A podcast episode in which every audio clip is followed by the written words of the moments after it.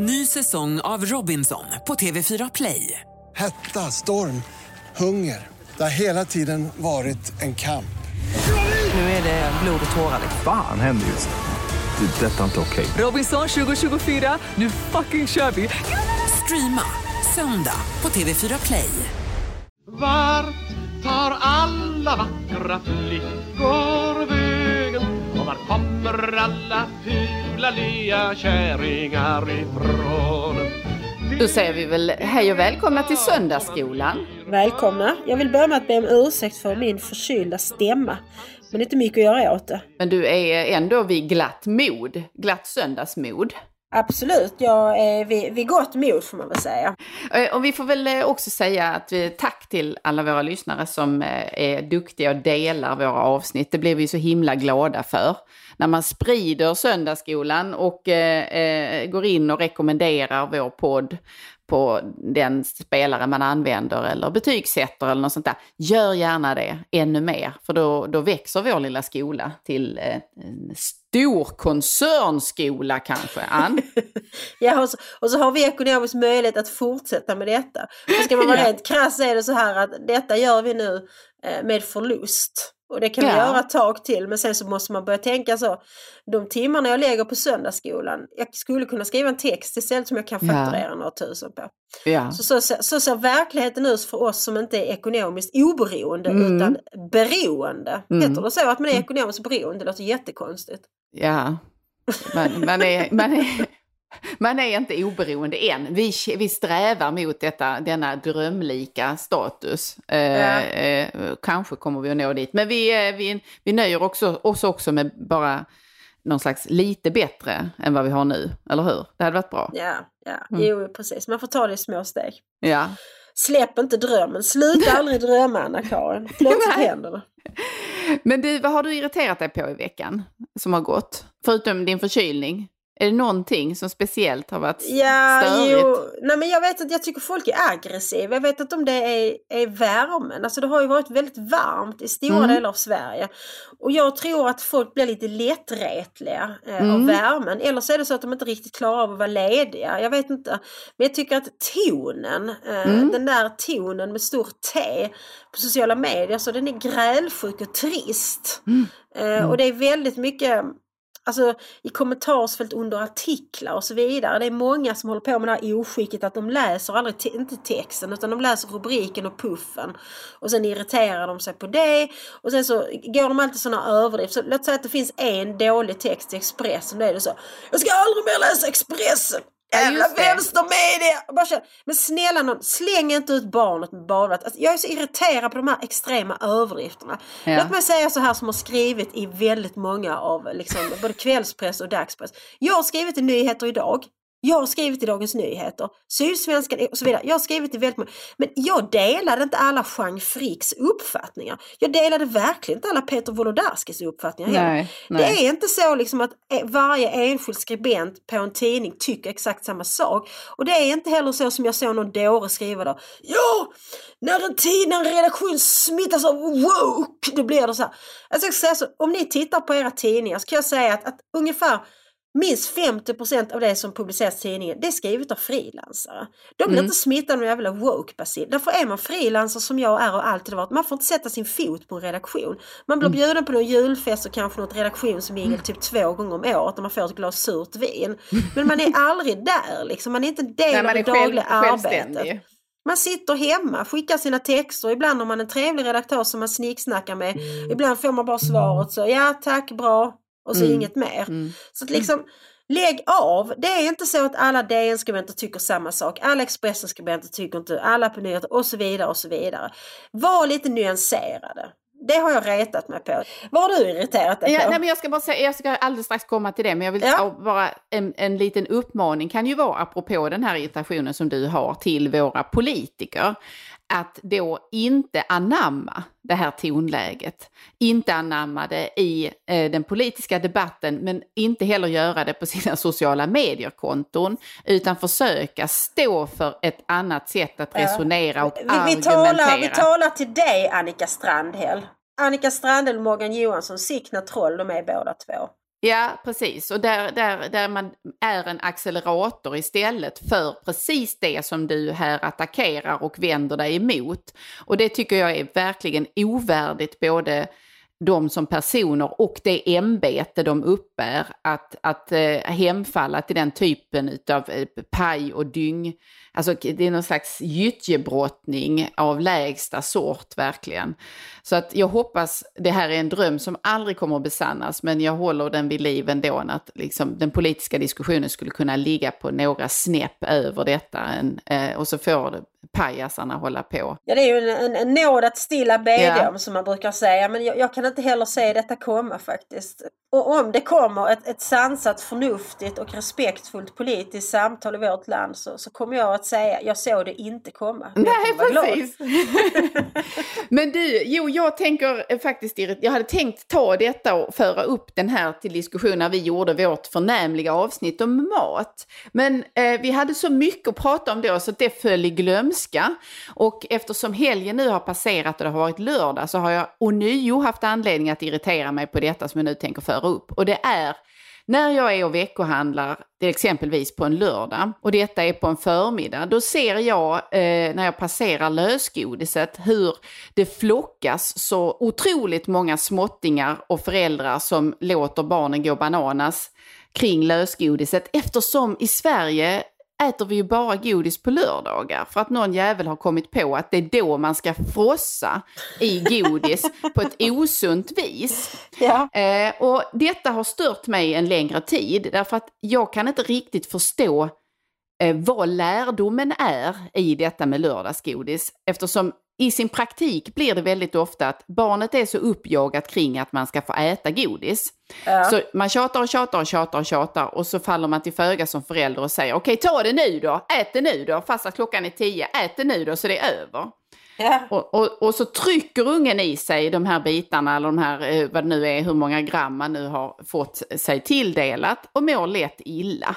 Och sen ja. är liksom det roliga borta. Och där skulle jag vilja slå ett slag för att man istället lär barnet att äta sötsaker med måttfullhet. Och det kan mycket väl utspela sig ibland kanske varje dag, ibland varannan dag, men att man lär sig att ta en eller två eller tre bitar och sen är det bra. Och inte äta på det här alltså, groteska viset som jag kan tycka lördagsgodisätande blir. Jag vet inte varför jag känner mig träffad. Alltså jag måste säga, jag äter inte godis längre. Det är många jag säger att jag åt godis. Men jag har väldigt svårt. Alltså när det är jul, då har vi kanske en chokladkartong hemma. Men om jag har en chokladkartong hemma, då kan inte jag på ett vuxet sätt ta en eller två bitar. Utan har jag, tagit en, har jag öppnat kartongen så måste jag äta upp hela. Och då, då, då äter jag upp, jag kan äta upp en hel chokladkartong, en hel Anton Berg och sen så mår jag så jävla dåligt. Sen ligger jag på soffan liksom och har ångest och vill kräkas. Så jag är precis som de där barnen. Men detta kanske är min mammas fel eftersom hon, ja, ja. hon hade den här praktiken med lördagsgodis. ja, ja. Men det roliga faktiskt är att jag läste Cecilia Garme och Katarina Barlings eh, utmärkta bok Saknad, som ju handlar om de förändringar Sverige har genomgått under de stora migrationspolitiska åtaganden vi har gjort mm. Eh, och vad det innebär i fråga om ja, känsloregister och vad som är tillåtet och inte. Men då finns det i denna bok finns det en berättelse om en man som kom till Sverige och gjorde verkligen allt som stod i hans förmåga och makt att integrera sig själv och anpassa sig och försöka anamma det inom citationstecken svenska sättet att leva på och vara på och förhålla sig till grannar och till, på arbete och så. Och i detta ingick också att eh, introducera barnen för lördagsgodis. Eftersom man förstod att det är så man gör här. Men eh, denna kloka man eh, kunde inte med att göra det mer än ett par veckor därför att han insåg att om barnen ska äta så mycket godis på en gång så mår de bara illa. Så han köpte godiset liksom på en lördag så. Och sen delade han upp det i åtta bitar som de fick äta varje dag istället för att då mådde de mycket bättre. Och det tänker jag så här, det är, lite, det är ett belägg för min tes att det är, det, det är måttfull, måttfullheten man bör lära barnet snarare än, än liksom detta att lördag då är det så här, då, då, är, det, då är det fullt blås på alla fronter. Om det så är vin eller om det då är godis Ja eller vad det precis, nu är. jag, jag, tror det är någonting på spåren där. Men jag tänker liksom att, för att man tänker på ett mer liksom sydeuropeiskt sätt att äta sötsak så är det snarare så att en liten sötsak markerar att nu är måltiden över. Ja, Och det är ju, det är ju liksom klokare för att då är man liksom, nu har vi ätit färdigt middagen och sen så tar vi en, en liten sötsak, en liten pralin eller någonting, Ja. lite turkisk konfekt och sen så är man nöjd med det. Istället för det här totala hetsätet. Liksom- mölandet. Men hur som helst, så att, så att liksom det här, för att jag tror ändå att den här idén om lördagsgodis, lanserades inte det på något vis av Folktandvården? Eller är det bara jag som hittar på nu? Jo. För tanken var väl att, att liksom det skulle skona barnens tänder. Att det var bättre Ja. att utsätta tänderna för socker en gång i veckan bara. Men sen urartade ju. Jag menar när du och jag fick köpa lördagsgodis, jag från att du hade som jag. För att jag fick köpa lördagsgodis, då fick jag vad det nu var, en krona eller fem kronor beroende på hur det såg ut. Mm. Och sen så gick jag och min bror då till Pishak som han hette. Det hette Den lilla kiosken. Den lilla kiosken, Pishaks kiosk vid Sofielund. Och sen så pekade vi då. Ja. Och då blev det kanske, en sån! vet inte, Hur många kronor är det kvar nu? Hur många kronor är det kvar? det blev sju eller åtta bitar eller någonting. Men idag Ja. så tar ju barn stora jävla skopor och köper kilovis med godis. Det är ju fasansfullt. Jag tror också att i detta ligger det här att vi är så nällade att följa rekommendationer om det är fråga om att äta 2,5 skivor bröd om dagen eller då om det är att endast äta lördagsgodis. Så att lite, lite revolt mot detta vill jag uppmana till. Det skapar en attityd av måttlöshet. För jag tänker vårt drickande är ju på det sättet också. Nu Ja, har precis. många svenskar har anammat ett mer kontinentalt dricksätt. De dricker vin till maten någon Jämt, gång i veckan hela också. tiden, Så. ja. Ja. Men samtidigt så har de ju kvar det här att nu super vi skallen av oss en gång i veckan, det vill säga på lördagen. Så i kombinationen med liksom någon slags slentrianmässigt vardagsvinande och sen så supa skallen av sig på lördagen. Det är fan inte bra. Men Nej. det är inte heller bra att supa skallen av sig bara för att det är midsommar. Nej, Alltså nej, det, nej. men, nej. Liksom där, kanske vi kan lära oss att vara lite... Det är ändå intressant att vi är det enda språket, då, om jag inte har fel för mig, som har ordet lagom i vår vokabulär. För detta är icke lagom. Nej, vi är allt annat än. Så att lite revolt och lite lagom på riktigt, lite måttfullhet. Både på sociala medier, både i vad vi skriver i kommentarsfältet på tidningen vi trots allt läser dagligen. Och när vi eh, ber barnen att välja vad de vill ha för eh, godis efter maten. Har blivit en madam med skunk bak och fram Nu rusar vi in i högsommaren och därmed in i semestertiden. Och det är dagens ämne. Vi ska tala om semestern. Du har semester just nu och jag är alldeles på väg att, att ha semester också. Jaha, så din semester har icke börjat? Nej, alltså ja, nu vet jag, nu ska vi se. Det beror på när man lyssnar på det här avsnittet, så att säga. Men jag, jag var ju ledig där vid midsommar och så vidare. Men eh, jag har lite senare än du i alla fall. Ja. Jo, men jag, jag är mitt i min semester. Jag har, inte, jag har två veckors semester så det är ju inga, det är inga långa perioder. Jag tar inte ut alla mina... Eftersom jag nu är över 50 så har jag väl sex veckors semester. Ja, Vi har ju i detta land haft en lagstadgad semester ja. ända sedan 1938. ja. 1938 semesterlag stipulerade 12 vardagars semester per år, två veckors betald ledighet. Och 94 så fick vi den lagen vi har nu, där det är fem veckor. Men när man då blir äldre så får man några fler dagar. Och semestern är väl tanken liksom, det är återhämtning och eh, frihet och från början så handlade det ju om, om eh, de arbetande eh, männen och kvinnorna som behövde vila från, från kroppsarbete helt enkelt. Och jag tänker också att en del av den, alltså den här skarpa gränsdragningen mellan vila och arbete, eller ledighet och arbete, som den lagstadgade semestern såg till att säkerställa för eh, människor som, som då var anställda eller arbetade tungt med kroppen och så vidare. Där finns ju en, någonstans så finns ju den där orättvisan kvar, för jag tänker att om man jobbar med ett jobb som det jag har till exempel, där det är väldigt, och det du har också, där det är väldigt mycket glider emellan när man Ja. är i tjänst och när man inte är i tjänst och man kan arbeta med lätthet hemifrån. Eh, och man kan arbeta på tåget. Och man kan arbeta, alltså, det- innebär ju också att man styr eh, i högre grad själv när man är ledig. Medan den som arbetar på ett vägbygge eller är asfaltläggare eller är förskollärare eller är sjuksköterska har väldigt skarpa linjer emellan när man är i tjänst och när man är i arbete och när man inte är det. Så där handlar det ju de facto om att man har de där veckorna. Sen är, det, sen är man i arbete resten av tiden om du förstår vad jag Mm. menar. Jo absolut, jag menar alltså det är ju inte det är ju inte den skarpa skillnaden mellan när jag har semester och när jag är ledig. För jag, även om jag nu har semester på pappret så jobbar jag ju ändå. Liksom. Ja. Alltså, så som mitt jobb, och det är valår och jag jobbar med politik, och då kan man inte helt koppla bort jobbet i, i två veckor. Det går inte utan jag måste ändå gå in och kolla mina mejl och se om det är några journalister som vill intervjua mina politiker. Och då kan ju inte jag liksom skita i att svara på på två veckor bara för att jag har semester. Det går ju inte. Så på ett sätt, alltså det finns ju för och nackdelar med Ja. båda sätten. För att jag kan ibland, måste jag säga, avundas människor som har de skarpa gränserna mellan arbete och fritid. En sjuksköterska som vet att nu har jag gjort mitt, nu kan ingen störa mig på fem veckor, nu är jag ledig. Så, har jag, så, har jag inte, så kan jag aldrig tänka, så har jag inte tänkt på flera decennier. Därför jag är alltid i tjänst på ett eller annat sätt. Och det kan alltid uppstå någonting man kan göra som innebär att man Ja. jobbar lite, man tjänar lite pengar och eh, man hoppar in så att säga. Men samtidigt så är det såklart också en oerhörd frihet att arbeta som du och jag gör. För att jag menar, jag kan alltid pressa in eh, ett tandläkarbesök om det skulle behövas. Mm. Alltså, ma- man är rätt så flexibel för man kan tänka okej nu gör jag detta i två timmar men så får jag, får jag köra det, får jag skriva den artikeln ikväll istället. Eller jag får gå upp fyra imorgon bitti för att nu tog jag en långlunch för att det var fint väder. Det kan man ju inte om man är sjuksköterska för då har man sin lunch och sen måste man vara tillbaks på avdelningen. Ja, precis. Och så vidare. Så att, som sagt så finns det ju det finns för och nackdelar med allt. Ja, men, ja, och, men, och i detta ligger ju också att de här, eh, jag tänker rent kroppsliga signalerna om vad man är, vad man är för en typ av människa i form av vad man har för tjänst eller vad man har för sysselsättning och försörjning ligger ju i den här eh, skiftet som du beskrev när du sa när man började med att lagstadga om en viss rätt till x antal lediga dagar per Ja. år. Där detta att man var eh, i, i mycket hög grad solbränd.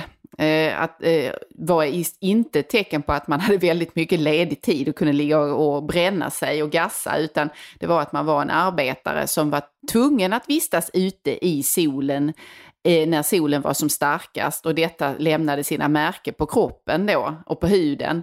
Medan högstatus var den vita, eh, bleka huden som kunde skydda sig och söka skydd och sitta och vila bakom ett parasoll eller på en veranda eller något liknande eh, när dagen var som hetast. Och då funderar jag på om det är så att hur har det där skiftat tillbaka idag? Är det, är det status att ha en bränna idag eller inte? Att vara solbränd? Vad tycker du?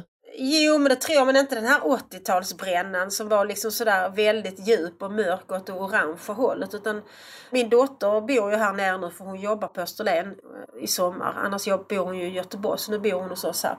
Och hon är ju mycket angelägen om att ligga på stranden på förmiddagen innan hon går på sitt pass som servitris. För att vara eh, lagom solbränd så att säga.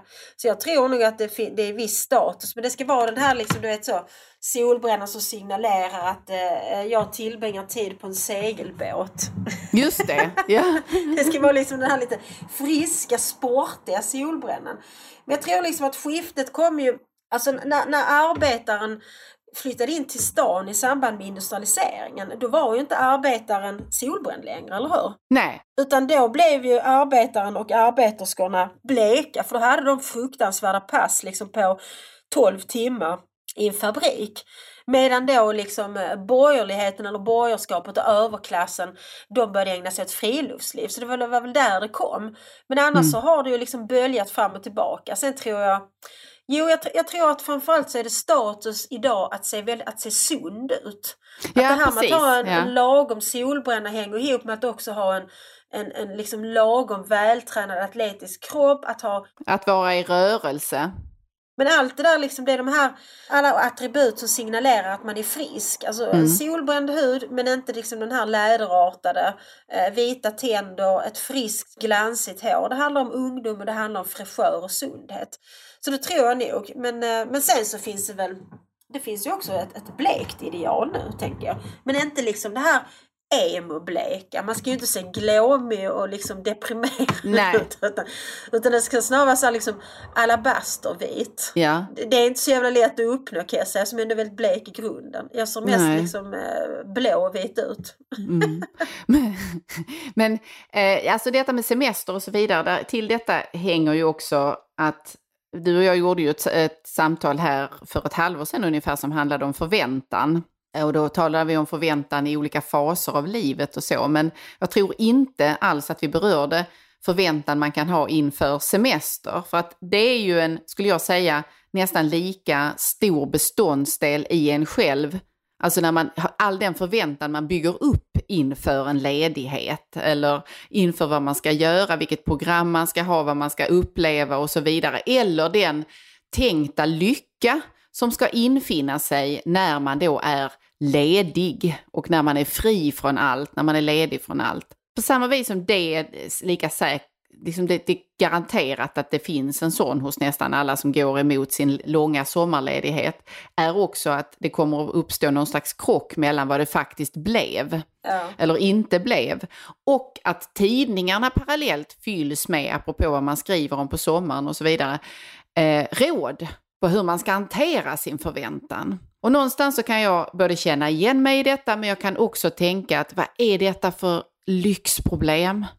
Vad är detta för mätta, eh, oros, för krystade, tillkonstrade ångestkällor som vi måste hantera på det här sättet. Man är ledig, det, vad är det liksom att inte gilla med det? Att få lov att vara ledig och ha lön? Ja, men jag tror, jag tror att du förenklar det lite nu. Därför att, alltså, jag tänker så här liksom att semestern är på något vis de veckorna på året där många människor tänker att, att liksom, saker ska förverkligas. Alltså, man kanske lever liksom i ett, ett äktenskap som är lite haltande. Man har slutat ligga med varandra, man pratar knappt med varandra. Man tänker liksom så här, men den där semesterresan till Kreta den kommer göra susen liksom.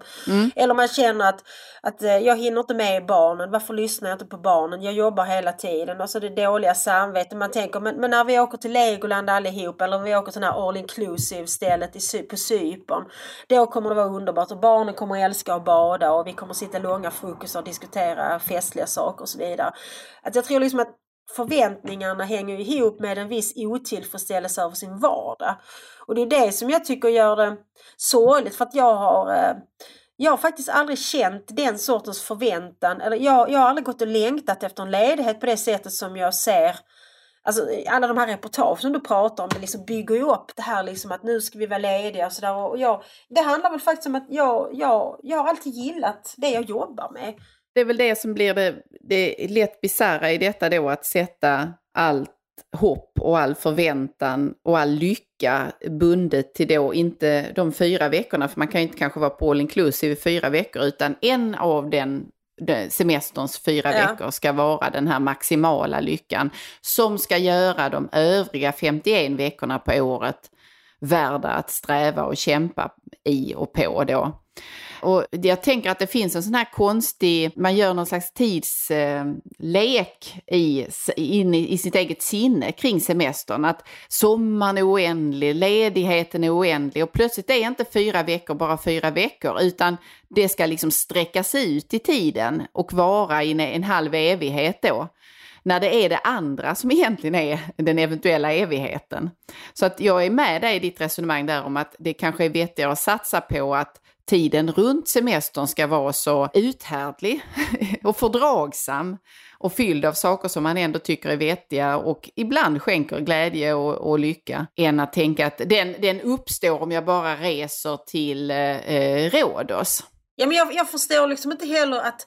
För jag har aldrig varit på en sån här all inclusive resa måste jag erkänna. Eh, och jag är inte någon trägen charterresenär heller. Men min bild av en sån här all inclusive resa det är att man liksom... Alltså man blir... Man åker i ett flygplan och så kommer man till en flygplats och där står någon med en skylt där det står liksom Apollo eller någonting på. Och så går man som en skock få med den här människan in i någon buss som bussar en till något inhägnat område eh, med nybyggt hotell och pool och en jättestor buffé som står uppdukad hela tiden och barnen får äta hur mycket glass de vill och själv dricker man en massa drinkar och sen ligger man i en solstol och ibland kanske man doppar sig i poolen. Detta är ju liksom, för mig, det är en bild av helvetet för mig måste jag säga. Därför den, den totala sysslolösheten tycker jag verkar vara en jävla mardröm. Och det, det har jag väldigt svårt att förstå att det är en bild av lycka. Hur kan det vara lycka att inte göra någonting? Nej, jag vet. Nej, men det, nej, nej det, där är, tror jag du och jag är rätt så lika i detta att vi blir väldigt snabbt rastlösa och vi vill, eh, jag fungerar i alla fall så att om det är eh, tomt, det är inget planerat, det är tomt, då vill jag genast fylla det med någonting. Jag vet att det här är ett produktivt företag jag håller på med nu. Det här kommer att, eller jag tänker, på, tänker jag ut, om jag inte har någonting så hittar jag på en ny idé. Eh, eller jag söker efter något nytt att fästa liksom min, eh, min energi på. Så att, och, men då är det det, då planerar jag det och hur ska jag göra med det? Och det behöver inte vara, vissa tycker ju om att ha sådana här projekt kring att man nu ska jag bygga ett mycket avancerat staket eller anlägga något. Alltså det, det, det är mycket sällan sådana projekt jag går igång på, utan det är det jag tänker ut, det är väldigt likt det jag arbetar med när jag inte är ledig. Det, vilket är ett tecken då på att jag ändå tycker om mitt arbete väldigt mycket. Jo men så är det, för att det jag ägnar min semester åt det, det är uppstarten av nästa bok. Därför att mm. jag är ganska bra på att kunna skriva en timme här och där men i uppstarten behöver jag sammanhängande tid och då behöver jag vara ledig. Så det ägnar jag mig åt nu. Jag var ju iväg en vecka i Albanien så när jag tänker efter är det faktiskt tre veckors semester jag har. För jag var en vecka i Albanien och sen har jag två veckor här hemma. Och de två veckorna hemma sitter jag nu och försöker komma igång med nästa bok. För kommer jag väl igång så vet jag att då kan jag skriva liksom när jag har en paus. Jag kan skriva på kvällar och så. Men det är klart liksom att det här hänger ju kanske också ihop med hur man jobbar. För att om man har ett väldigt hårt kroppsarbete så kanske man ser på just det här att ligga på ett all inclusive hotell och bli serverad, då, då kanske det är en vila på ett sätt som det inte är för människor som arbetar som, som du och jag. Så det, det finns ju naturligtvis sådana aspekter i det också. Men... Och man kanske arbetar med någonting där man är väldigt hög grad är bevakad, tänker jag. Alltså man, blir, man är tittad på eller man sitter och drar varor på eh, bandet på ICA eller Konsum. Och det förstår jag att man vill vara vila ifrån. Midjan så smal, så att royal. Jag tycker det här med förväntningar är intressant. Därför att jag har nu inför detta avsnitt tittat på lite vad som har skrivits om semester. Och, och Mikael Dahlén, han är väl på Handelshögskolan, han är professor i någonting. Han skrev då i, det var i Svenska Dagbladet häromveckan, där han levererade sex råd för en lyckad semester. Och det första rådet han hade då var njut av förväntningarna. Ja. Sen så några dagar efter så var där en intervju med en annan forskare vars namn jag har glömt för han är inte lika anslående som den här Dahlén med sitt långa hår och svarta naglar och sådär. Men som då också pratade om semester och han sa att det viktigaste då för lyckas semester var att skruva ner sina förväntningar. Och jag, jag tror att det, det ligger någonting i båda för att jag tycker Mikael Dahlén har poäng och det beror på lite hur man tänker om semester. För att eftersom när, om jag är ledig från jobb eller om jag jobbar, det är inte så stor skillnad. Den stora skillnaden för mig på semestern det är om jag byter miljö, det vill säga om jag reser utomlands. Ja. Och där tycker jag att förväntningarna är en väldigt stor del av semestern. Därför jag tycker det är väldigt roligt att planera om jag ska åka till som nu vi åkte till Albanien. Då tycker jag det är jätteroligt att läsa in mig på det landets historia och kultur och läsa in mig på vilken mat. Jag tycker om att titta på bilder och jag tycker om att planera i förväg. Ja, men så ska vi åka till Girokastro, sen ska vi till Butrint och kanske hinner vi till Tirana och där ska vi göra det.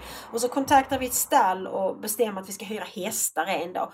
Och det är ju, de förberedelserna är ju en stor del av förväntningarna eh, som jag verkligen tycker om. Och det är inte samma som du vet när man, när man väntar barn, där har ju människor väldigt olika inställning också. Att en del är sådär på något slags vidskepligt sätt att man köper inte ett enda klädesplagg, man köper ingen barnvagn för man vill inte ta ut något i förskott för då är man rädd att det går åt helvete.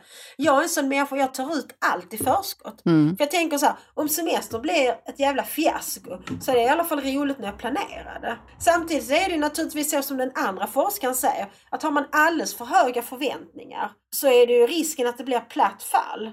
Så att, eh, jag vet att man får väl lägga sig där någonstans mitt emellan kanske. Ja, men jag tänker också på eh, en av de mest lyckade och kanske mest träffsäkra skildringarna av svenskens sätt att semestra, i, apropå just charter, det är ju Sällskapsresan. Ja, ja precis. Och, och precis. I, i inledningen till den eh, allra första bildrutan så står det så här, svensken reser inte till något. Svensken reser från något. Ja, precis, precis. Eh, och sen så eh, rullar det där igång då.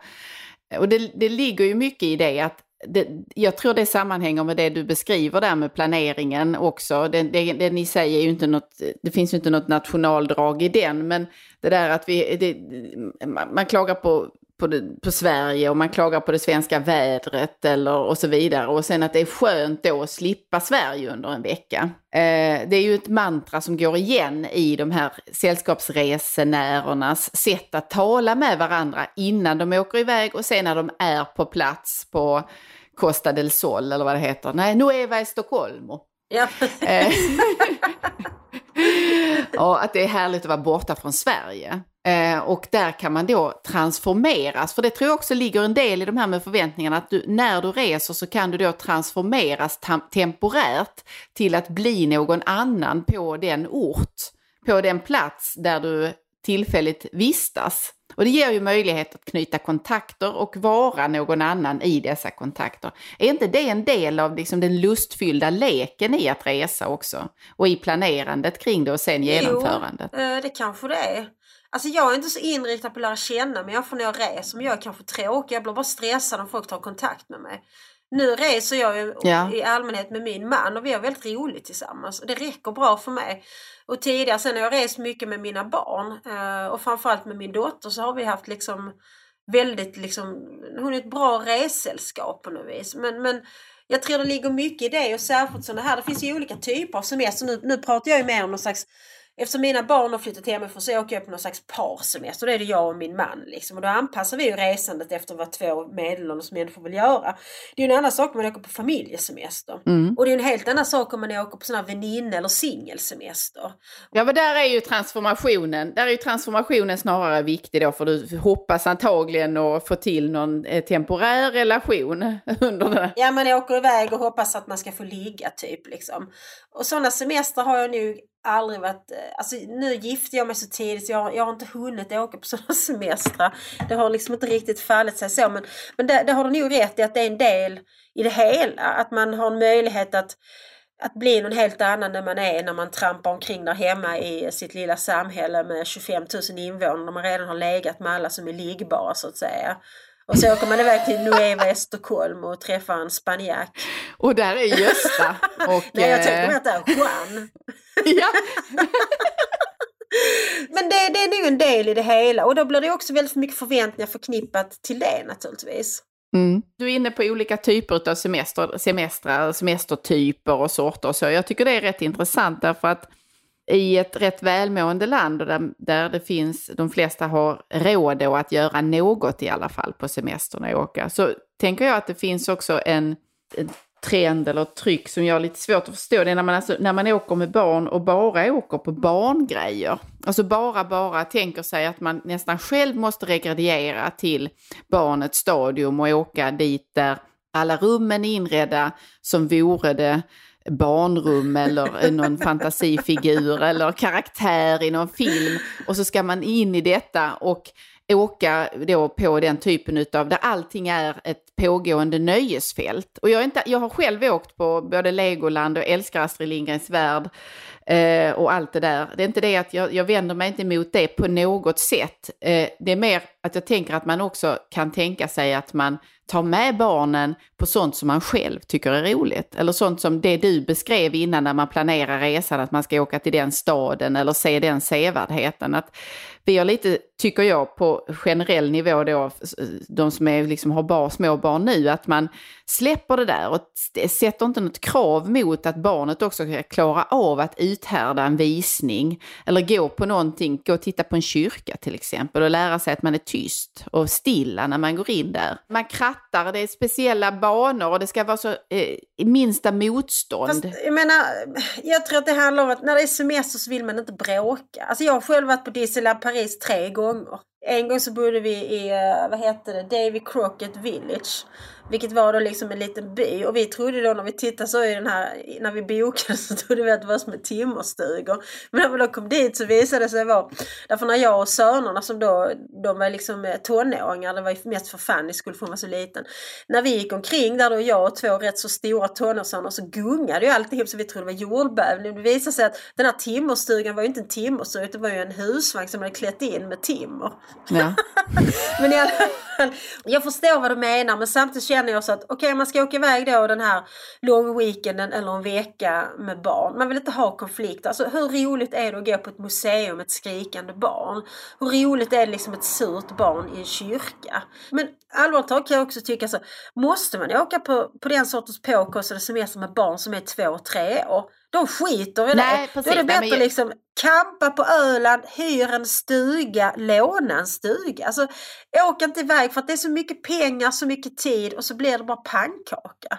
Jag talar nog mer om när barnen är liksom eh, börjat i skolåldern. Att man då ska också, en del av att resa med barn är ju också att lära barnen att klara av de här transportsträckorna och klara av att gå och titta på, må det vara ett museum eller en kyrka. Men inte en två, treåring, Jo, men jag fattar det. Men jag känner ibland, du har, liksom, du har hela tiden ett fostrande perspektiv. Jag tror inte jag har varit en sån förälder. Jag har inte orkat det.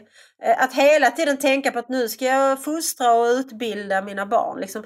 Kan man inte ibland också tänka att man bara har roligt? Alltså måste man alltid liksom lära dem grejer? Nej, jag kan berätta om hur roligt det var för mina barn när vi åkte till eh, Disney där utanför Paris. Eh, när vi kom dit. Vi bodde också på ett sånt där ställe, jag kommer inte ihåg vad det hette, som du berättade om. Men det som jag tyckte var väldigt, väldigt viktigt när vi kom dit, det var rätt sent på kvällen, det var så jag vill gärna ha vin, sa jag. Jag vill dricka vin. Och att vi skulle ha det på rummet då. Och eh, det gick inte att köpa, vi hade inte med oss någonting. Men däremot fanns det ett ställe på andra sidan parken. Eh, dit man, där man kunde köpa, det var någon gubbe som sålde, nej men det var en affär, en, vanlig affär. Eh, så jag tar mina ungar då, eller vi går alla fyra, eh, och barnen var rätt så små och drar dem genom hela parken och bara nej skynda er nu, ni kan inte titta nu, ni får titta imorgon, mamma slår vin. De, snart slänger de! och sen ut på andra sidan, köper den här flaskan vin och sen vänder och ska igenom parken igen för att tillbaka till hotellet. Ja men ajabaja, du får inte lov att ta med dryck av det slaget in i parken, detta är Disney, vi vill inte ha alkohol här. Så då får jag, då får jag eh, casha en taxi som kör oss runt Disney. Och barnen var hungriga, de började släpa efter mig. Liksom. Jag bara, men ni vill, vill väl er mamma väl? Sa jag till dem. Eh, nej, jag skojar bara, det så sa jag inte. Så du hör du, jag har inte alltid det fostrande perspektivet, Ann. Jag har ibland också det rent njutningsinriktade och själviska. Ja, jag, får säga, men jag har nog mer tänkt så att, att man liksom får skilja på saker. För att nu har jag ju jag har ju två barnkullar kan man väl säga och det är tio år mellan min yngsta och hennes äldre bröder som de är väldigt tajta, det är bara 17 månader mellan dem. Så vi har också, mm. alltså vi har väl delat upp det rätt mycket för det är också svårt att åka på en semester som tilltalar både en treåring och sen två tonårspojkar. Så att, då har vi gjort så ibland att en av oss, när jag fortfarande var gift med barnens pappa, åkte någonstans kanske till en storstad som Barcelona eller Rom eller något med de stora pojkarna. Och sen var den andra faktiskt hemma för när Fanny var två och tre, det var roligt för henne att vara hemma på gården med våra får och hönsen och liksom eh, tvingas titta på La Sagrada Familia eller vad fan den heter i Barcelona. Eh, så så kan man väl också göra. Och jag har också tänkt liksom, ja, och där tycker ja nu är vi med familjen och då är det det liksom. Och sen kan jag och min man åka iväg själv och göra våra grejer. Det är svårt att, att försöka göra båda sakerna för då tror jag ingen blir nöjd.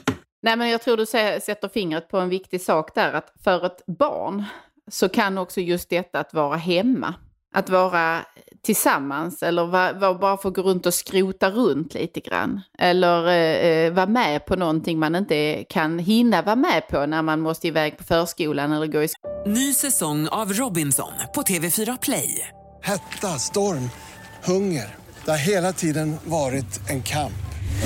Nu är det blod och tårar. Fan händer just det. det detta är inte okej. Okay. Robinson 2024, nu fucking kör vi.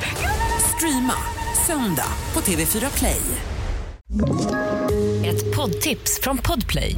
I fallen jag aldrig glömmer djupdyker Hasse Aro i arbetet bakom några av Sveriges mest uppseendeväckande brottsutredningar. Går vi in med hemlig telefonavlyssning och, och då upplever vi att vi får en total förändring av hans beteende. Vad är det som händer nu? Vem är det som läcker? Och så säger han att jag är kriminell, jag har varit kriminell i hela mitt liv men att mörda ett barn, där går min gräns. Nya säsongen av Fallen jag aldrig glömmer på Podplay. Skolan eller vad det nu kan vara om mamma måste jobba och sådär. Den så att säga lunken eh, där det inte händer så vansinnigt mycket. Det ska man inte underskatta och jag tror ibland att man planerar bort möjligheten till den typen av sommarlov. För det handlar ju om utifrån barnets perspektiv då snarare än semester. Har blivit en madam med skunk bak och fram. Jag tänkte att vi skulle ta några mer av Mikael Dahléns råd för en lyckad semester. För jag tycker han har några poänger och sen så är det några som jag blir lite eh, förvånad över. Råd två är åk inte så långt. Det tycker, jag, det tycker jag faktiskt är en bra grej. För det här liksom att sitta på ett jävla plan i ett dygn och så vara någonstans tio dagar och vara jetlaggad. Alltså det, det blir också en så stor investering. Och sen så tipsar han om att minisemester. Så istället för att ta den här liksom jättesemestern långt bort. Så var hemma och så ta små utflykter. Liksom, eh, håll dig i Sverige eller om man är i Skåne som jag åker över till Danmark och sov en natt någonstans. Så blir det flera små semestrar. Mm. Han säger också att när man frågar folk om vad som var roligt på deras semester så säger de inte där, nej men att ligga i en, en, en, en stol vid poolen och sippa drinkar hela dagen. Utan då är det äventyren man minns. Och äventyr kan vara allt möjligt. Det kan vara liksom man kanske kan paddla flott eller man går vilse eller alltså de lite oväntade sakerna. Men sen så är det då en punkt, för nu har jag tagit eh, fem av de här sex punkterna som jag blir lite förvånad över. Ja. Och, och det är punkten ta semester från din partner. Det är en av hans punkter för en lyckad semester. Detta som jag, och han är nog inte ensam om det för att häromdagen så damp det ner en mail. I, I min mailbox fick jag ett mail från Doktor24. Och då var rubriken så Fyra tips för hur du orkar med din partner under semestern. Så det här liksom med att tillbringa tid med den människa man faktiskt har valt att leva med. Det verkar väldigt svårt för många. Jag kan säga så här. Om Erik kommer hem och säger nu vill jag ha semester från dig. Då hade han åkt ut på öronen. Jag vet inte, hur, hur ställer du dig till detta? Nej, jag, jag, tycker också det verkar jättemärkligt faktiskt. Jag, jag, jag kan ju absolut tänka mig att man gör så som du beskrev tidigare, att man reser och gör något litet äventyr själv med barnen. Eh, eh, och att det i sig då om man åker, med, om man har flera barn, man tar ett av barnen och så gör den andra någonting annat med det, an, de andra barnen. Och så här, att det kan vara ett äventyr i sig och att det kan skapa speciella minnen. Men om man nu lever ihop så är väl ändå grunden att man någonstans har valt det. Ja, och, och att, eh, att så att säga ledigheten eller det man längtar efter och har förväntan kring är att vara ifrån dem man delar bostad med. Då kanske man Nej, jag får inte riktigt heller ihop det där faktiskt. Annat än att det skulle vara en ren provokation om någon hade föreslagit det. men, för, det, men det kanske också hänger ihop med hur man lever. Därför att jag förflyttar mig ju en del i mitt yrke så att säga. Så jag är ju inte alltid hemma. Och jag, jag tycker det är oerhört, jag tycker det är om jag åker iväg till Stockholm för att träffa dig och vi ska jobba tillsammans, då är det kul. Men för det mesta är det så att jag sitter mm. på något jävla Scandic hotell i Kristianstad eller Örebro eller någonting. Och det är så jävla oglamoröst. liksom, när man har gjort det man ska och så sitter man där ensam och zappar mellan tv-kanalerna. Och då längtar jag så oerhört mycket efter Erik och när barnen bodde hemma efter ja, sällskap. Ja, jag, precis, jag mm. längtade hem. Jag längtade för jag gillar min vardag, jag gillar mitt liv. Jag, jag älskar mitt vardagsrum. Jag vill sitta där. Jag vill inte sitta på något Scandic-hotell. Så jag, jag är ju inte alltid tillsammans med min partner. Och då kanske inte jag känner behovet av att ta semester från honom. Eh, för det, men jag, klart att jag kan förstå att, att man behöver göra saker var och en för sig. Men just uttrycket ta semester från din partner. Ja, men kan vi tänka oss att Mikael Dahlén här har liksom börjat eh, rådgivningen utifrån det faktum att många ja. ansöker om skilsmässa efter semestern. Och så har han tänkt att det, detta är ett faktum. Hur ska vi kunna få ner de här skilsmässotalen? Jo, om de tar semester från alltså, varandra. Så blir, och så och det vidare. är det som är ja. så tragiskt, att, Men, att skilsmässor, ansökningen om skilsmässor rusar ju taket efter ledigheterna, efter jul och nyårshelgen men också i samband med semestrar. Och det visar ju att att vi klarar inte av att spendera tid tillsammans med den människa som vi faktiskt har valt att leva med. Att när vi väl får tid tillsammans, eh, då, upplever, då upptäcker vi att vi inte gillar varandra längre. Och det är ju mycket tråkigt får man säga. Ja, men man kan ju också tänka sig att det uppstår enorma konfliktytor då om de här, om man nu är så som du och jag har beskrivit oss själva här, där man har lite svårt att gå ner helt i varv, man vill alltid ha något jobb på gång, man vill tänka, man vill projektera saker, man kanske gärna också vill ge andra människor uppdrag som är boende i samma hushåll. Till exempel måla om huset, gräva potatisen, det finns många idéer här. Ja, ja och, och, att de här konflikterna också kan handla om att där den andra då ser det som att jag vill bara, nu vill jag vill sova till 11 på dagen. Det är det som är semester för mig. Det jag tycker ju det är oerhört provokativt. Alltså du kan ju inte ligga till 11. Man måste ju upp och göra någonting. Dagen har ju redan gått. Eh, och att det är sådana så att säga kollisioner. För jag tänker vi tangerar också någonting annat här. Man kan ju leva på många olika sätt och inte behöver, det behöver inte vara ett, en heterosexuell relation så att säga. Men det finns ju någon slags genusdimension i detta där just då förväntningarna på män och kvinnor skiljer ut sig eller eh, det drar isär, en, blir, blir väldigt stereotypa under den här perioden där det kanske då är kvinnan som får ännu mer ansvar för att stå för mm. markservicen medan det där staketet byggs eller eh, rabatten grävs eller eh, huset målas eller vad det nu kan vara. Eh, och det i sig genererar någon slags missnöje med hela livssituationen. Jag vet inte, men jag tänker mig att det där kan vara en, alltså det blir någon slags Ja du vet, 50-talet har återuppstått då. Man, man faller tillbaka i det under semestern och jag liksom nu är det liksom främmande för mig, men jag minns ju de åren när barnen var små och då, då kunde jag känna liksom, för då gjorde vi också så, jag och min dåvarande man, att vi delade upp våra semester. Så vi hade inte semester tillsammans mer än kanske en eller två veckor. Eh, för att vi vill Ja, vi ville sträcka ut tiden så att barnen inte behövde vara på fritidshem under sommaren utan de kunde ha liksom ett långt härligt sommarlov. Eh, men det gjorde liksom att, att och jag var ju, då var jag ju doktorand under de åren och sen jobbade jag som lektor så att jag Även om jag inte hade semester hela sommarlovet så var jag ju hemma hela tiden i princip. Liksom. Så fick jag ju sköta mitt jobb tidiga morgnar och kvällar och så. Och då var det ju hur mycket, det var en massa kompisar där och jag, jag kände ibland så att jag hade liksom förvandlats till en jävla hushållerska.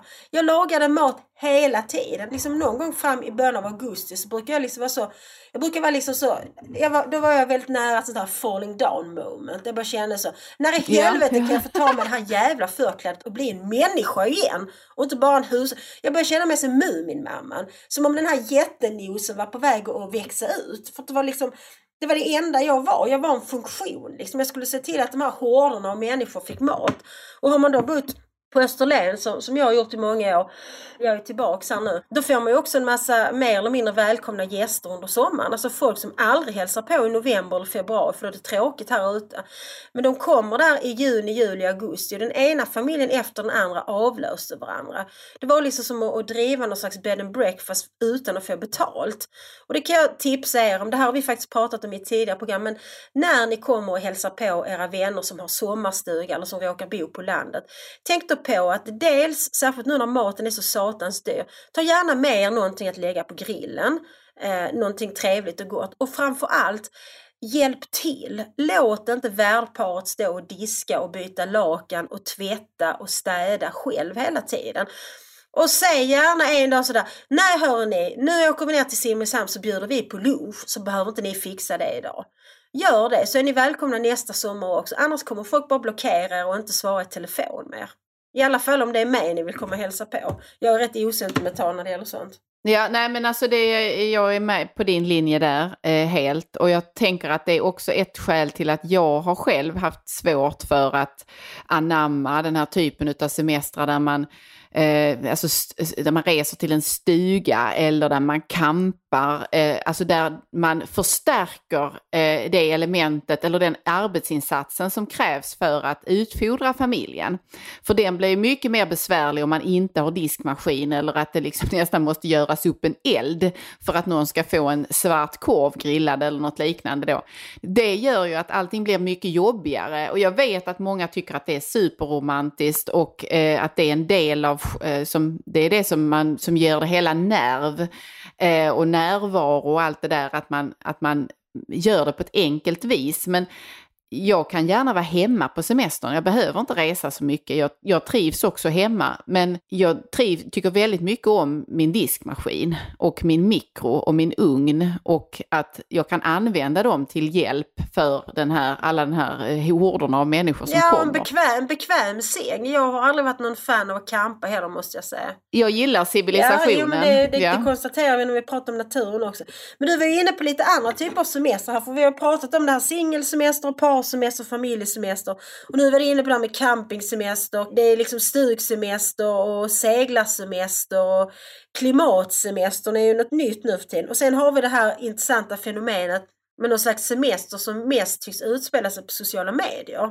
Där man hela tiden, jag fattar inte folk som är på semester och lägger upp bilder kanske 20 gånger om dagen på vad de gör. Då undrar man så, men hinner du vara, alltså hinner du vara närvarande där du är? Om du måste dokumentera varenda drink och varenda gång du liksom fladdrar med dina tår.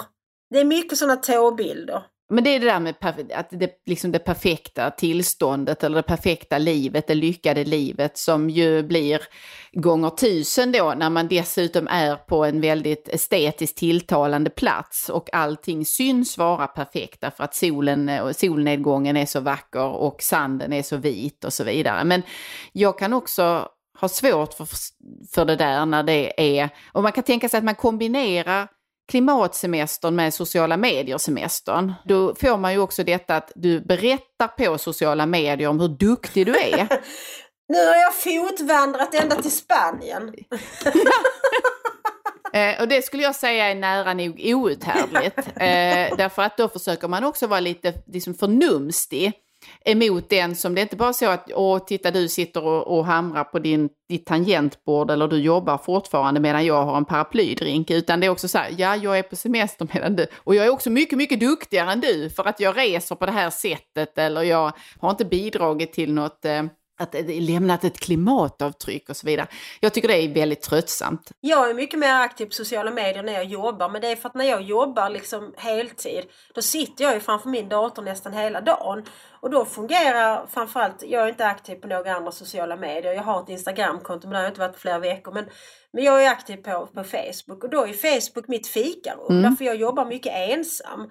Och då tar jag en paus liksom och då gillar jag att gå in och chatta med någon en stund. Kanske skriva någon post och se om jag får något, eh, någon respons på det. Och så kan man liksom eh, ha någon men när jag har semester så sitter inte jag framför min dator. Alltså jag, så jag, eh, då, och det är inget medvetet val att jag tar någon slags eh, pretentiös sociala medier på. Det är bara liksom att då är jag upptagen av att vara ledig på det sättet. För jag, jag tänker så här om jag ser folk som är på semester och som lägger upp massvis med bilder så tänker jag liksom har du så jävla tråkigt på din semester så du måste dokumentera allt. Så jag tycker inte det är liksom något mått på att det är en lyckad semester, att det är snygga bilder. Jag tänker bara så att du måste ha en sjukt tråkigt ressällskap eftersom du hellre kommunicerar med en massa människor som är mer eller mindre främlingar än att prata med din man eller älskarinna eller fru eller kompis eller vem det nu är du reser med. Jag tycker det är lite tragiskt. Men det är kanske bara mina fördomar och föreställningar, jag vet inte. Jag eh, har gjort samma reflektion som du. Och, eh, men sen så får man väl också erkänna att ibland kan man ju bli lite avis. Det kan jag också bli. Och är de där nu? Det skulle jag också vilja vara. Men är det, är det en del av njutningen tror du? För de som postar väldigt mycket. Att, att de postar liksom en fantastisk bild från en söderhavsö och så gottar de sig åt att nu blir folk eh, där hemma avundsjuka. Ja. ja, jag tror det. Och jag tror att det är den här horror evacui, man är rädd för tomhet. Jag finns fortfarande, titta vad jag gör. Jag gör jättefina grejer. Alltså det, det är lite det där, jag, se mig, se mig. Det, det, det, finns ju i detta också.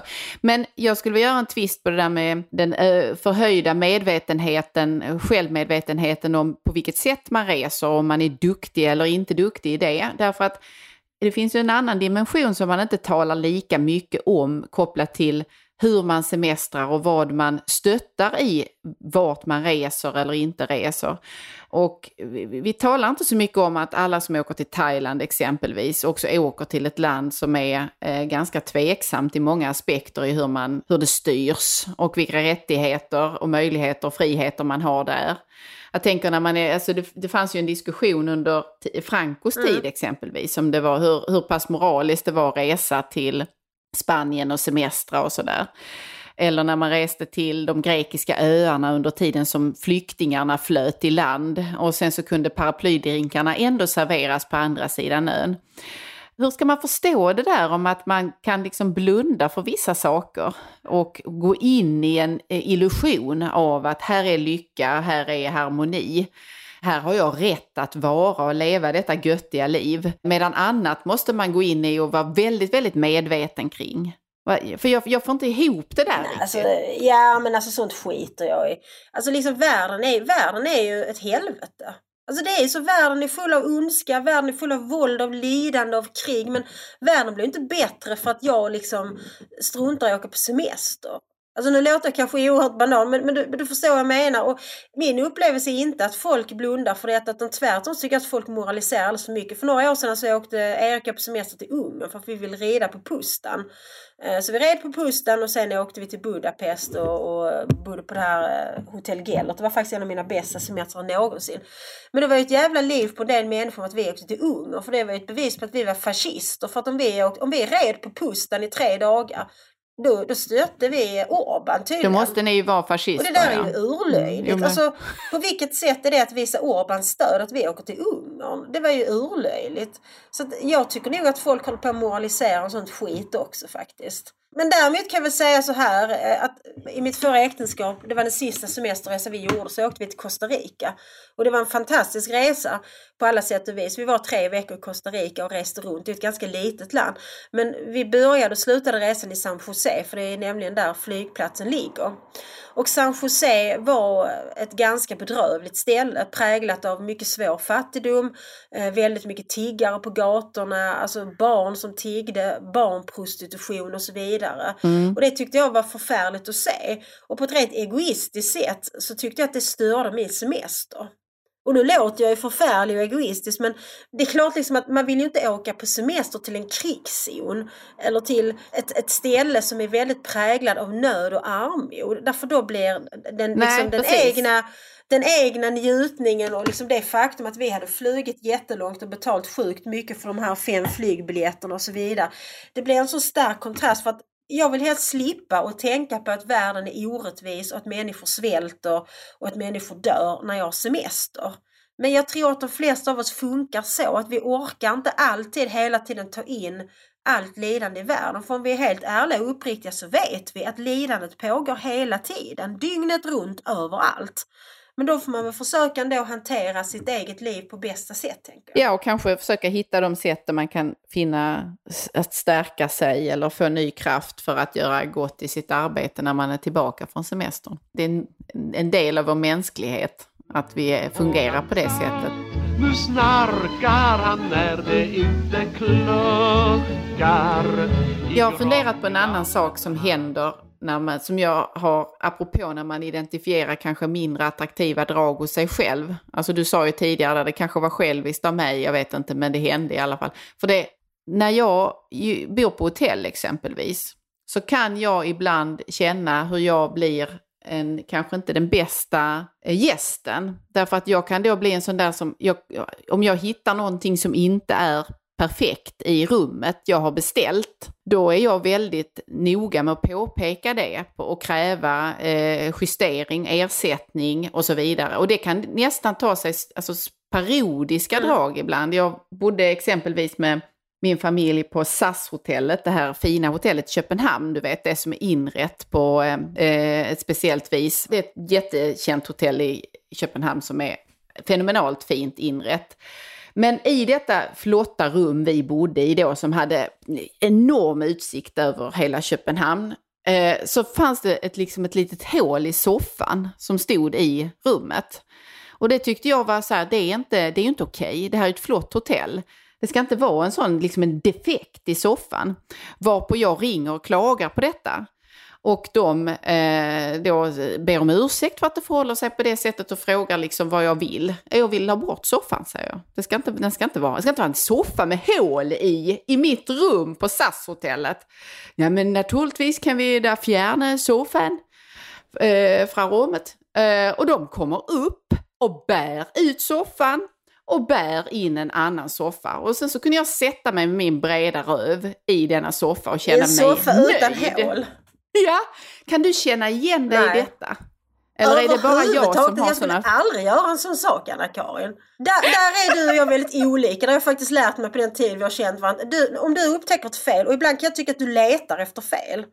Då ska du klaga. Eh, och så vill du få bekräftat att du vill ha rätt. Sånt skiter jag i. Jag skulle aldrig göra en sån sak. Aldrig. Och det är ju kanske liksom det är ju inte heller fördelen. För att jag är så, om jag är på restaurang och det inte smakar gott och de frågar smakar det bara så säger jag alltid så ja det var alldeles utmärkt. Därför jag vill inte bråka med folk liksom. Eh, och jag vill inte göra, nej, nej, nej men jag bråkar sällan med folk.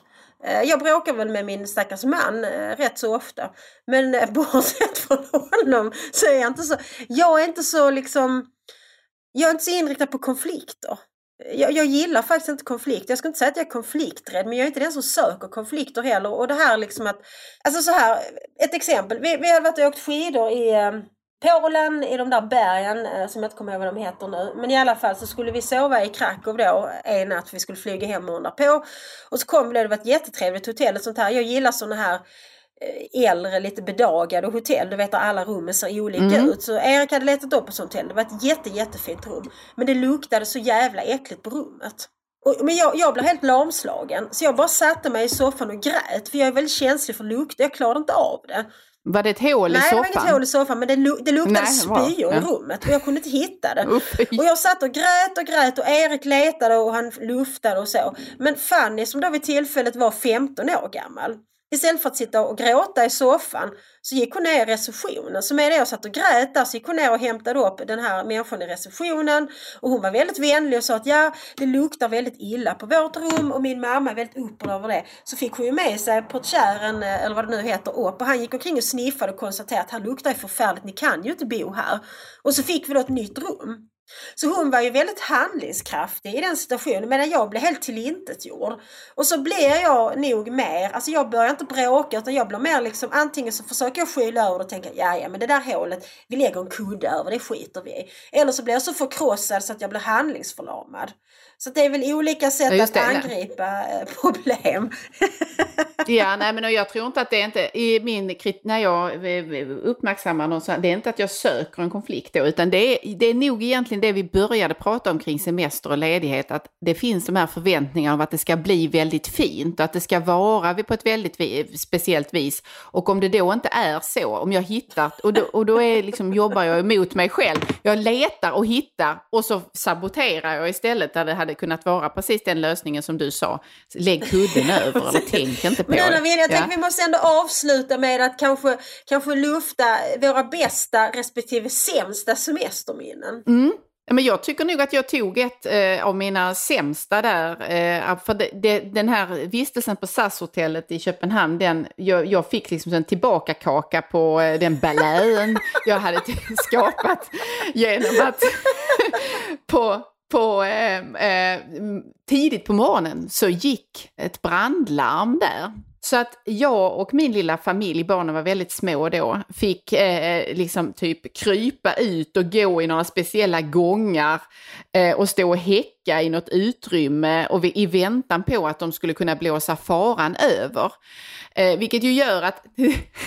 och sen så ovanpå det, alltså när vi skulle eh, då eh, åter på hotellrummet igen, allt var okej, vi skulle få gå och äta den flotta, eh, mycket fina frukosten på detta fina hotell.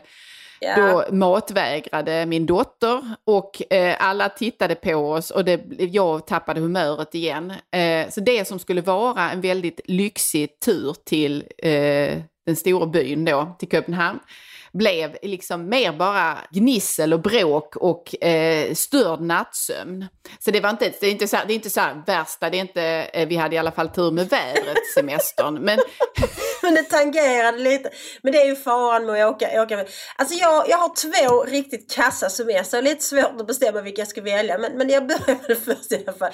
Jag hade under en period ett, ett, ett mycket stormigt förhållande med en man som inte riktigt hade frigjort sig från sin eh, tidigare sambo kan man väl lugnt säga.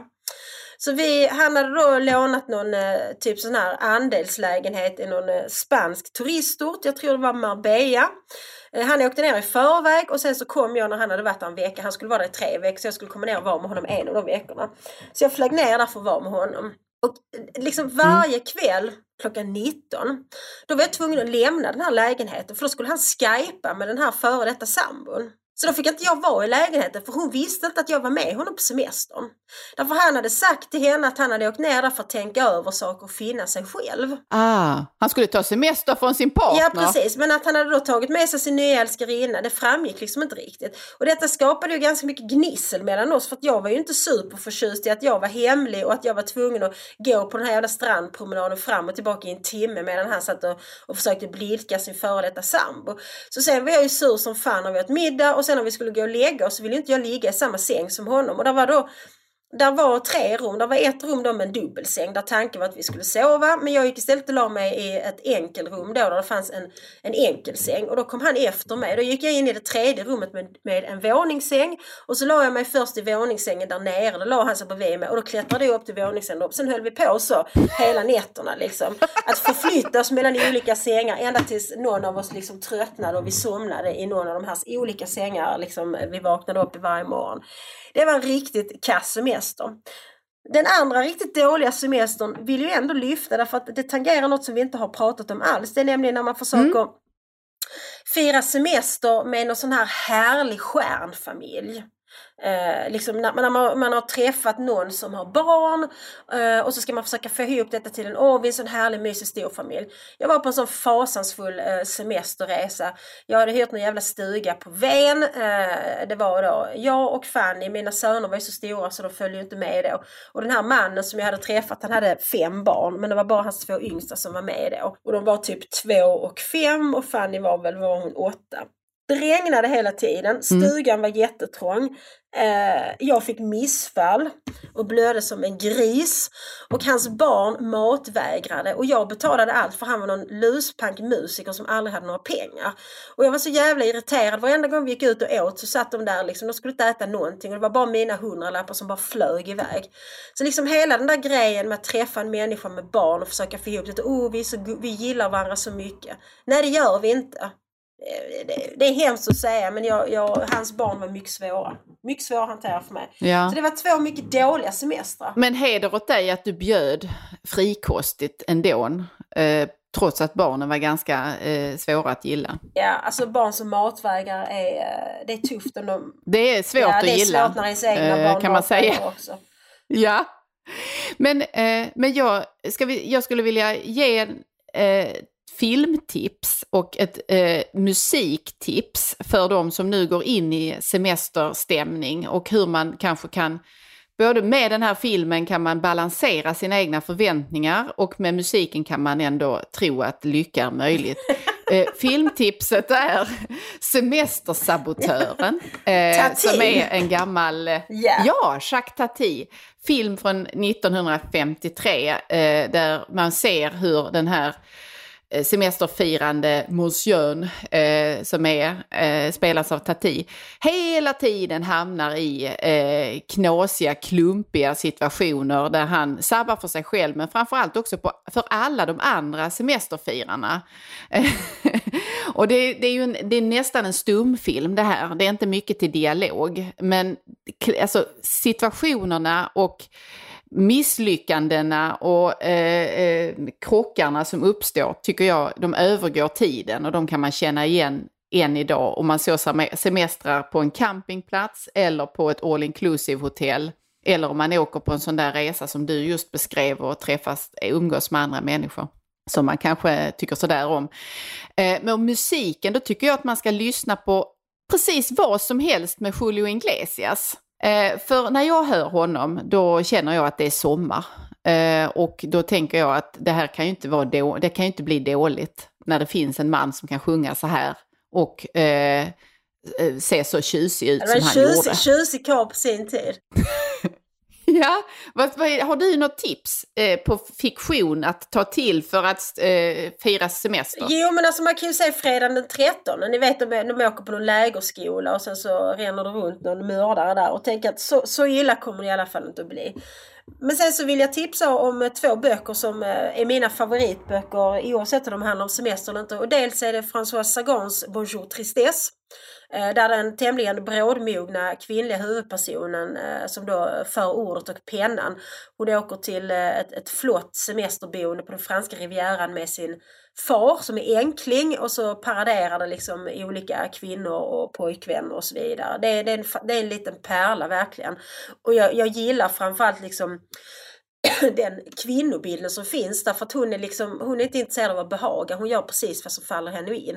Eh, så det är en fantastisk bok. Jag tycker också att Michel Houellebecqs eh, plattform är, är en, en mycket givande bok att läsa som väl i korthet handlar om det som många av hans böcker handlar om, nämligen Alltså människans längtan efter kärlek och närhet och vår, vår förfärliga oförmåga att, att uh, uppnå detta. Och när vi väl har hittat det så går ju allting åt helvete och det gör det verkligen i plattform uh, som delvis utspelar sig i ett semesterparadis i Thailand faktiskt. Sen så tänkte jag också, vad ska jag mer tipsa om? Jag håller nog där faktiskt. Jag tror att de, det, jag tror det är bra tips. Men vi behöver semester du och jag nu. Vi tar semester till nästa söndag. Ja, vi tar semester till nästa söndag i alla fall. Det tycker jag låter bra. Så får ni ha en fin vecka. Ja. Hörs vi snart. Det gör vi. Hej då! Hej då! Vart tar alla vackra former vägen? Och var kommer alla hakorna på makorna ifrån? Ny säsong av Robinson på TV4 Play. Hetta, storm, hunger. Det har hela tiden varit en kamp.